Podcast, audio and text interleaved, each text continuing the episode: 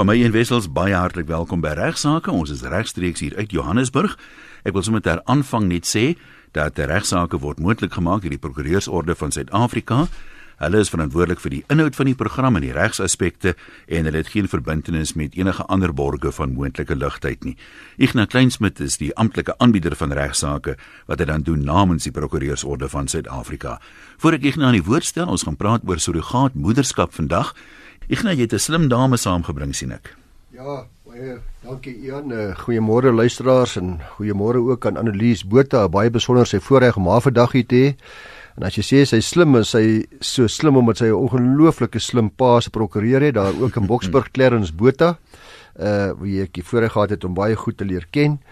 Annelies het uh, hier by RAI geswat en sy het daar BA en LLB grade daar verwerf en sy het ook haar LLM gekry en sy is 'n uh, bekende prokureur vir albei gebied van die huweliksreg en, en veral dan ook surrogaatskap daar in Boksburg. Annelies, baie baie welkom in jou.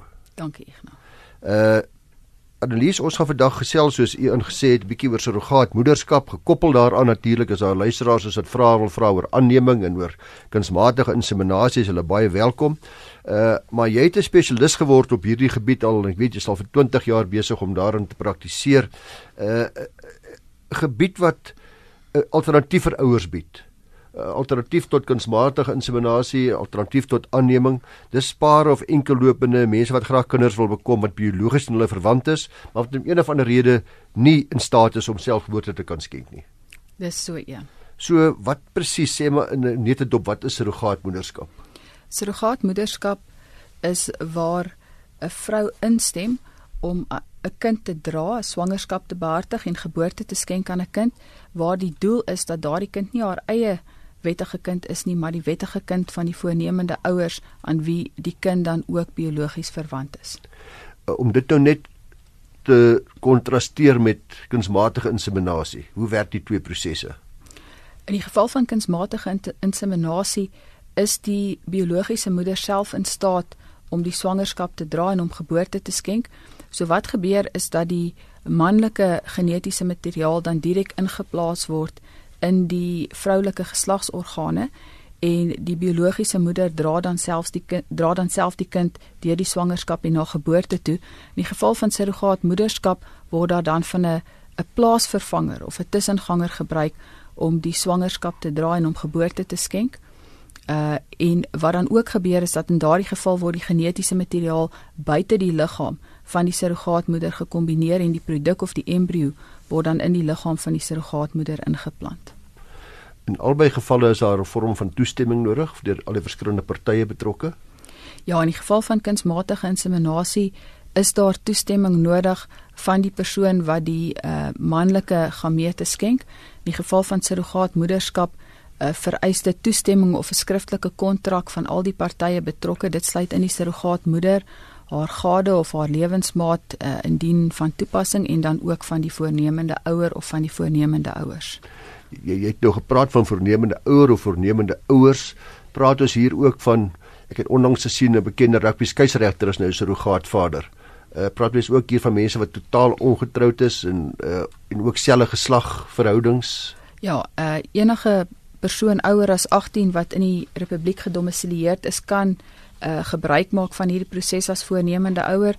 Dit sluit in pare van die teenoorgestelde geslag van dieselfde geslag. Uh selfs enkel enkel lopende persone kan hiervan gebruik maak. En die belangrike ding eintlik is ons praat nou van spermselle en eierselle of gamete. Uh kan moet ek vir my eie gemete gebruik maak as ek 'n voornemende surrogaat moeder of vader is? Die uitgangspunt van die bestaande wetgewing is dat 'n voornemende ouer so ver moontlik moet voorsien of moet gebruik maak van sy of haar eie genetiese materiaal indien daar 'n geldige mediese rede is waarom 'n ouer nie van sy of haar eie genetiese materiaal gebruik kan maak nie is daar ook 'n moontlikheid om van die uh, genetiese materiaal van skenkers gebruik te maak. Uh in daai skenkers waar vind ons hulle? Skenker kan 'n persoon wees wat uh, die voornemende ouers ken Indien die voornemende ouers die skenker ken, is sy skriftelike toestemming of haar skriftelike toestemming ook nodig vir die surrogaatproses. Indien die voornemende ouers van 'n anonieme skenker gebruik maak, kan hulle 'n skenkingsbank nader uh waar die profile van die skenkers beskikbaar is, maar nie die identiteit nie. In daardie geval hoef die anonieme skenker nie toe te stem uh, tot die proses van surrogaatmoederskap nie. Is dit 'n redelike duur proses hierdie vir mense? Uh maklik bekostigbaar? Is raak die staat daarbey betrokke? Doen dit gratis of is dit maar iets wat prokureurs moet doen? Uh, nee, die staat is nie eintlik betrokke by surrogaatmoederskap nie. Die mediese proses is redelik duur. Ehm um, waar die die die mediese behandeling self is duur, maar wat ook nodig is indien 'n mens van surrogaatmoederskap wil gebruik maak, is dat die partye 'n volledige assessering moet ondergaan. Die voornemende ouers as ook die surrogaatmoeder en hierdie assessering word dan gewoonlik gedoen deur 'n sielkundige of 'n maatskaplike werker of enige persoon met die nodige professionele kennis om die assessering te behartig. Dit kos ook baie geld. Dit kos geld. En dan is ook nog hoër is of aansoek wat gebring moet word. Ja, uh die wetgewing vereis dat enige ooreenkoms tussen die voornemende ouers en surrogaatmoeder deur die afdeling van die Hooggeregshof goedgekeur moet word in die area waar die voornemende ouers woon alvorens enige mediese behandeling kan plaasvind. En en daai daar moet ook wanneer mense na hof toe gaan moet jy kan bewys daar is ooreenkomste bereik oor verskillende aspekte tussen die voornemende surrogaat ouers en die en die moeder wat wat die kind gaan dra. Ja, die ooreenkoms moet op skrift geplaas word en dit moet deur al die partye onderteken wees. En die aard van die ooreenkoms? Die aard van die ooreenkoms is dat die regte en verpligtinge van die voornemende ouers daarin uiteengesit word as ook van die surrogaatmoeder. Wat die uh, belangrikste aspek van hierdie tipe van ooreenkoms is is dat die bedoeling van die partye duidelik daaruit moet blyk dat die bedoeling van die surrogaatmoeder is nie om vir haarself 'n uh, 'n kind in die lewe te bring nie, maar dat haar doel is om 'n kind in die lewe te bring vir die voornemende ouers en dit gaan dan ook gewoonlik gepaard met 'n onderneming dat sy die kind aan die voornemende ouers sal oorhandig op geboorte van die kind. En en uh, wat die voornemende ouers betref, uh aan watter soort van uh, vereistes moet hulle voldoen? Moet die hof soos by aanneming ook tevrede wees dat hulle sekere standaarde slaan daar wat die wat die kind betref? Ja, die voornemende ouers moet ten minste 18 jaar oud wees. Hulle moet gedomisileerd wees binne die Republiek van Suid-Afrika en die hof moet tevrede wees dat hulle in alle opsigte geskik is om ouerskap van 'n kind te aanvaar en om aan hierdie vereiste voldoen soos ek reeds gemeld het, moet daar 'n behoorlike assessering gedoen word deur 'n professionele persoon wat 'n verslag aan die hof kan voorhou sodat die hof 'n ingeligte besluit kan maak oor die geskiktheid van ouers wat graag as voornemende ouers wil optree. Goed, dou's die uh moeder en vader voornemende ouers is nou lus geskik en die, die surrogaat moeder is nou geskik en die hof aansoek is nou gebring. Die ooreenkoms is bekragtig en Nou uh besluit die surrogaat moeder sy gaan nie aan hierdie sy gaan nie verder aan steeds sy wil self die kind bou. Die wetgewing bepaal redelik of bepaal uitdruklik dat waar die kontrak goedgekeur is of bekragtig is deur die Hooggeregshof enige kind of kinders wat gebore word as gevolg van hierdie ooreenkoms die wettige kind van die voornemende ouers is. So in daardie geval sal die voornemende ouers dan die hof moet nader uh, ek aanvaar op die op 'n redelike dringende basis vir 'n interdik vir oorhandiging van die kind en die hof sal dan uh, daardie feite en omstandighede oorweeg. Kan ek gou vinnig inchip ja. daar Ignas die SMS hier van iemand wat uh, anoniem bly maar wat sê ek is gay en ons ek en my uh, maat my lewensmaat wil graag op hierdie manier ouers word is daar enige iets in die wet wat selfde geslag ehm um, surrogaat wat ek weet nie my terminologie is nou nie reg nie wat ons diskwalifiseer om dit te doen lyk my is wat hy basies vra of ekstra bepalinge wat op hulle van toepassing is. Die een die wet maak baie duidelik voorsiening dat surrogaatmoederskap gebruik kan word deur persone van dieselfde geslag.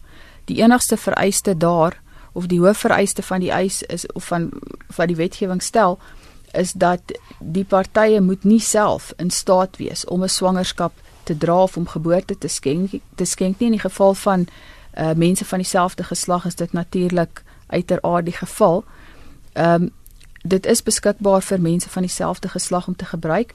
Die enigste vereiste dan verder is dat die kind wat gebore word moet aan ten minste een van die partye biologies verwant wees. So hulle is dit twee mans is enige een se se spermselle kan gebruik word. Ja. So en as albei onvrugbaar is dan surrogaatmoederskap nie moontlik, moet hulle kyk na aanneming. Dan moet hulle kyk na aanneming. Ongelukkig waar die kind of waar geen van die partye in staat is om genetiese materiaal te skenk nie, kan surrogaatmoederskap nie gebruik word nie. Ek wil miskien net as 'n uitvloeisel kan my indinge dat mense is wat daaroor wonder as 'n uitvloeisel vir jou dit vra, as jy kyk na selfde geslagverhoudings, moet hulle getroud wees of kan dit 'n saambly verhouding wees? Dis my lewensmaat, ons is stabiel, ons is al 5 jaar saam byvoorbeeld. Daar is geen vereiste dat die partye getroud moet wees of dat daar 'n civil union tussen hulle geregistreer moet wees nie indien die partye lewensmaats is, is dit ook voldoende. Maar die hof gaan sekerlik kyk na die stabiliteit van die paartjie wanneer die aansoek gebring word vir die surrogaatmoederskap by die Hogeres of die die die, die, die geskiktheid van die voornemende ouers sal seker ook kyk na hoe stabiel hulle verhouding is, hoeveel sement daar reeds is. Wil dit 'n faktor wees? Soos by aanneemingsouers. Ja, stabiliteit is belangrik. Die hof sal daarna kyk.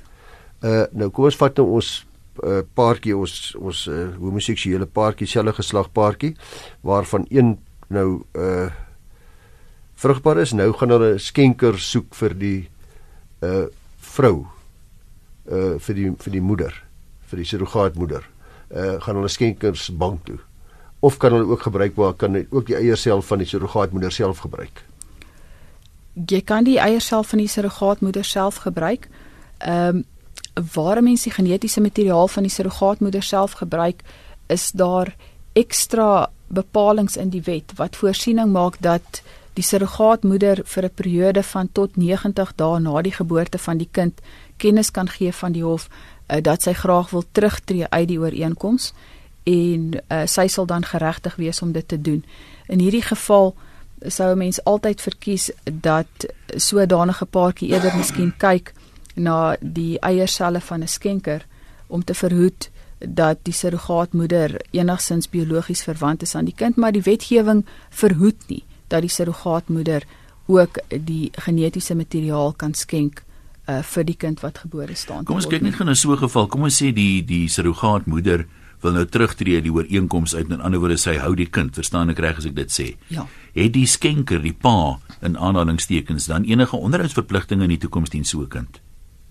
Wat waarskynlik sal gebeur is dat die Hooggeregshof dan 'n besluit sal moet maak wat die regte en verpligtinge van die biologiese vader sal wees. Dit sal dan insluit uh, enige regte van kontak wat hy met die kind sal hê en dan ook die onderhoudskwessies. Ek kan miskien net meld dat sou surrogaatmoeder kies om terug te tree uit die ooreenkoms, die wetgewing dan voorsiening maak dat sy ook enige vergoeding vir onkoste wat sy ontvang het, moet terugbetaal aan die voornemende ouers. Dan is hier 'n vraag, skus ek nou net gou vinnig hierdie ja. enetjie ingrid terwyl ek nou hier is. Uh iemand vra hier, hoekom moet die surrogaatma eers 'n lewende kind hê voor sy surrogaatma kan wees? Wat is die beweegrede daar agter? Uh wel die wetgewer het besluit dat dit 'n vereiste is vir iemand om as 'n surrogaatmoeder op te tree. Seker jy weet waar jy moet gaan. ek dink dit is waaroor dit gaan. Ek dink die dit is die wetgewer het gevoel dat dit dat dit iemand 'n uh, beter agtergrond gee as hy of sy darm een keer al deur die proses is. Ehm um, hoe dit ook al sê, ek is nie seker of dit werklik 'n verskil maak aan die geskiktheid van 'n persoon om as surrogaatmoeder op te tree nie, maar dit is die vereiste wat die wetgewer stel. Dit seker ook 'n rol speel in die feit dat as ek al voorheen kinders gehad het, verstaan ek wat dit is die band tussen moeder en kind. Wat ek nog nie voorheen gehad het, mag die versoeking baie groot wees om uit die ooreenkoms ja, te probeer terugtreë omdat ek nog nie voorheen kinders gehad het. Wel, ek na die wetgewing gaan eintlik 'n bietjie verder. Die wetgewing vereis verder dat 'n surrogaatmoeder ten minste een lewende kind moet hê. So dit is nie net dat daar 'n geskiedenis moet wees van 'n geboorte nie, sy moet een lewende kind ja. van haar eie hê. Iemand vra hier uh, enkel persone, is daar enige iets wat spesifiek op hulle van toepassing is want dikwels kry jy hierdie nou in 'n scenario van dis 'n dis 'n paartjie uh, as 'n enkele man op sy eie besluit hy wil 'n kind hê kan hy van die proses gebruik maak. Hy kan van die proses gebruik maak. Uh die enigste vereiste daar is dat hy in staat moet wees om sy eie genetiese materiaal beskikbaar te maak vir die proses. Uh kom ons kyk weer na 'n paartjie gesellige geslagverhouding twee vrouens. Uh die vrou kan haar kan in daai geval haar eie eiersel gebruik en net van 'n skenker gebruik maak. So dit ook surrogaatmoederskap wees. Dit kan surrogaatmoederskap wees. Uh indien een van die partye in staat is om die swangerskap te dra en om geboorte te skenk, sou surrogaatmoederskap waarskynlik nie nodig hier wees nie. Proses van kunsmatige inseminasie sou waarskynlik voldoende wees.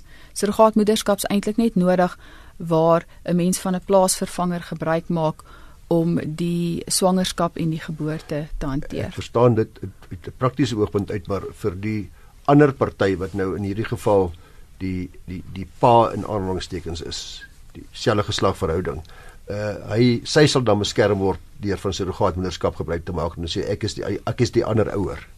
Terwyl by kunsmatige inseminasie nie so sou wees nie. Dis korrek. Uh wat betref die effek van surrogaatmoederskap wat nie aan wetlike vereistes voldoen nie. Aan die woorde hulle het net maar voortgegaan met hierdie surrogaatmoederskap maar sonder om die hof te nader. Wat is die effek op die kind? Wat is die status van die kind? Die algemene posisie sal dan geld en dit is dat die persoon wat geboorte gee aan die kind sal uit die sal uit 'n regsoogpunt beskou word as die wettige ma van daardie kind. Nou miskien die belangrikste analise voor ons bietjie oor aanneming ook gaan praat, uh is die hele kwessie van vergoeding. Uh kan ek as 'n surrogaatmoeder sê ja, goed, ek sal 'n kind dra op voorwaar jy moet vir my 10000 rand betaal daarvoor. Ek nou die wetgewing verbied spesifiek enige vergoeding. Dit laat slegs toe vir die vergoeding van redelike en noodsaaklike uitgawes en die uitgawes wat spesifiek toegelaat word is eerstens 'n vergoeding vir mediese uitgawes met betrekking tot die swangerskap en die geboorte, 'n uh, vergoeding vir enige verlies aan inkomste, 'n uh, vergoeding vir enige versekerings wat die partye uitneem om die surrogaatmoeder te dek in die geval van dood of van ongeskiktheid en dan ook laastens vir enige regsonkoste wat die partye aangaan om die ooreenkoms goedgekeur te kry. En kan ek as agent optree en sê hoor jy ek uh, adverteer dat ek uh, soek geskikte surrogaatmoeders want ek weet van mense wat graag surrogaatmoeders soek en kan ek dan daarvoor vergoeding kry? Jy kan as agent optree maar jy kan nie enige vergoeding vir dit vra nie. So daar seker bitter min agente dan. daar is min agente want die agente wat in hierdie veld aktief was, het redelik moeite gedoen om geskikte moeders op te spoor om assessering te doen om te sien of hulle 'n surrogaatmoeder kan kry wat pas by die persoonlikhede van die voornemende ouers. Dit was redelik tydrowend en ek dink nie op hierdie stadium is dit werklik meer vir hulle lonend om hierdie tipe van werk te doen nie. Hier's 'n dokter wat vra rus daarop genees hierdie enige verpligtinge om hulle te vergewis van sekere feite as hulle by die behandeling uh van die proses betrokke is moet hulle sekere dokumentasie eers sien en hulle self van vergewis. Die wetgewing bepaal dat geen mediese of dat geen persoon enige mediese behandeling mag begin uh wat gerig is op kunsmatige bevrugting alvorens die kontrak nie deur die Hooggeregshof bekragtig is nie. So enige behandeling sonder die bekragtiging uh deur die Hooggeregshof uh word verbied in terme van die wetgewing. Uh ons praat gereeld en ek weet Annelies jy doen ook egskeidings en jy sal gereeld kry by mense wat kinders het dat die na egskeiding die een party sê hy of sy gaan die kind afteken. Die ander woorde, ek gaan afteken dan ek nog geen verpligtinge meer nie. Wat natuurlik nonsens is want mens kan nie op daai manier van jou verpligting ontslaa raak nie. Uh maar by aanneming Wie moet almal toestem tot so 'n aanneming? Aan die ander woorde wat nou gebeur is ek het 'n nuwe man, ek is weer tweede keer getroud, die vorige pa is al weg, hy's verlore, hy's hy's 'n dronklap of wat ook nogal. Moet hy toestem? Wie moet almal toestem? Voordat ek kan aanneem. Wel, die wetgewing maak voorsiening stel seker vereistes alvorens 'n kind as aanneembaar beskou sal word. Ehm um, en een van die vereistes daar is dat daar nie 'n geskikte persoon of familielid is wat na die kind kan omsien of om sy versorging te aanvaar nie. In die geval waar 'n persoon graag sy of haar gade se kind wil aanneem, is dit nog steeds 'n vereiste dat die biologiese vader uh, toestemming moet gee en wat die klerk van die kinderhof in daardie geval doen is hy of sy sal dan 'n kennisgewing beteken uh, aan sodanige persoon wat uh, versoek dat hy binne 30 dae 'n aanduiding gee of hy toestem of nie ten opsigte van die aanneming. Is 'n interessante vraag. Iemand sê nou hier gestel jy maak van 'n skenker gebruik. Ehm um, wat nou later die moontlikheid bestaan sê die persoon uh dat uh, die die kind verlief kan raak op een van die skenkers se kinders wat hy by 'n latere stadium by 'n ander vrou het. Hoe raak is daar enige iets daaroor? Ek meen mense weet nie altyd wie is die skenker neem ek aan die kind nie of hoe is daar iets iets wat jy daaroor kan sê met ons 'n bietjie perspektief te gee? Wel die skenkingsbanke is verplig om die profile en die identiteit van hulle skenkers beskikbaar te hou. Uh die identiteit is natuurlik konfidensieel, maar dit is beskikbaar en indien 'n party werklik 'n grondige rede het waarom hierdie identiteit bekend gemaak moet word, uh, sou 'n mens die hof kon nader want soos ek reeds gesê die skenkingsbanke is verplig om die identiteit van hulle skenkers beskikbaar te hou. Die betrokkenheid van prokureurs by die hele proses van uh surrogaatmoederskap en die betrokkenheid van prokureurs by aannemings. Net vir ons 'n bietjie aandering gee hoe verskil dit. Uh prokureurs is baie meer betrokke by die surrogaatmoederskap proses. Uh vanweë die rede dat daar 'n skriftelike kontrak uh tot stand gebring moet word en ons is dan ook betrokke wanneer ons die aansoek bring in die Hooggeregshof vir die goedkeuring van die ooreenkoms. In die geval van aanneming word die proses eintlik grootliks hanteer deur 'n maatskaplike werker wat geakkrediteer is om in hierdie veld op te tree. Hierdie proses vind dan ook plaas deur die kinderhof. So prokureurs is nie soveel betrokke by die aannemingsproses nie. Die assessering word hoofsaaklik hanteer deur die betrokke maatskaplike werkers. So mense wat 'n surrogaatmoederskap belangstel moet maar uitvind watter prokureurs in hulle omgewing betrokke is hierby en wie spesialiste is, want dit is 'n redelike spesialisgebied en dan moet hulle van daar af die saak maar verder voer. Dit is 'n redelike spesialisgebied, maar dit is nie verskriklik ingewikkeld nie. Ja. Dit is doenbaar. Jy kom jouself nou 'n bietjie te nadink ek. Annelies, wil jy dalk jou besonderhede gee vir die uh, luisteraars as hulle belangstel om meer uit te vind? Ja, ek praktiseer in Boksburg. My e-mailadres is aebota73 by gmail.com. En uh, ons gaan op 12 September een gaan ons 'n bietjie weer sy toegestem om weer met ons te praat en meer detail oor surrogaatmoederskap. Dankie Elise. Kom ons maak sê dankie Elise. Dit was vandag se regsaake. Die program word moontlik gemaak en uh, die regsinhoud ehm um, is die verantwoordelikheid van die Prokureursorde van Suid-Afrika aangebied deur Ignas Kleinsmid en die Prokureursorde het geen verwantskap met enige ander borgers van moontlike ligtheid nie.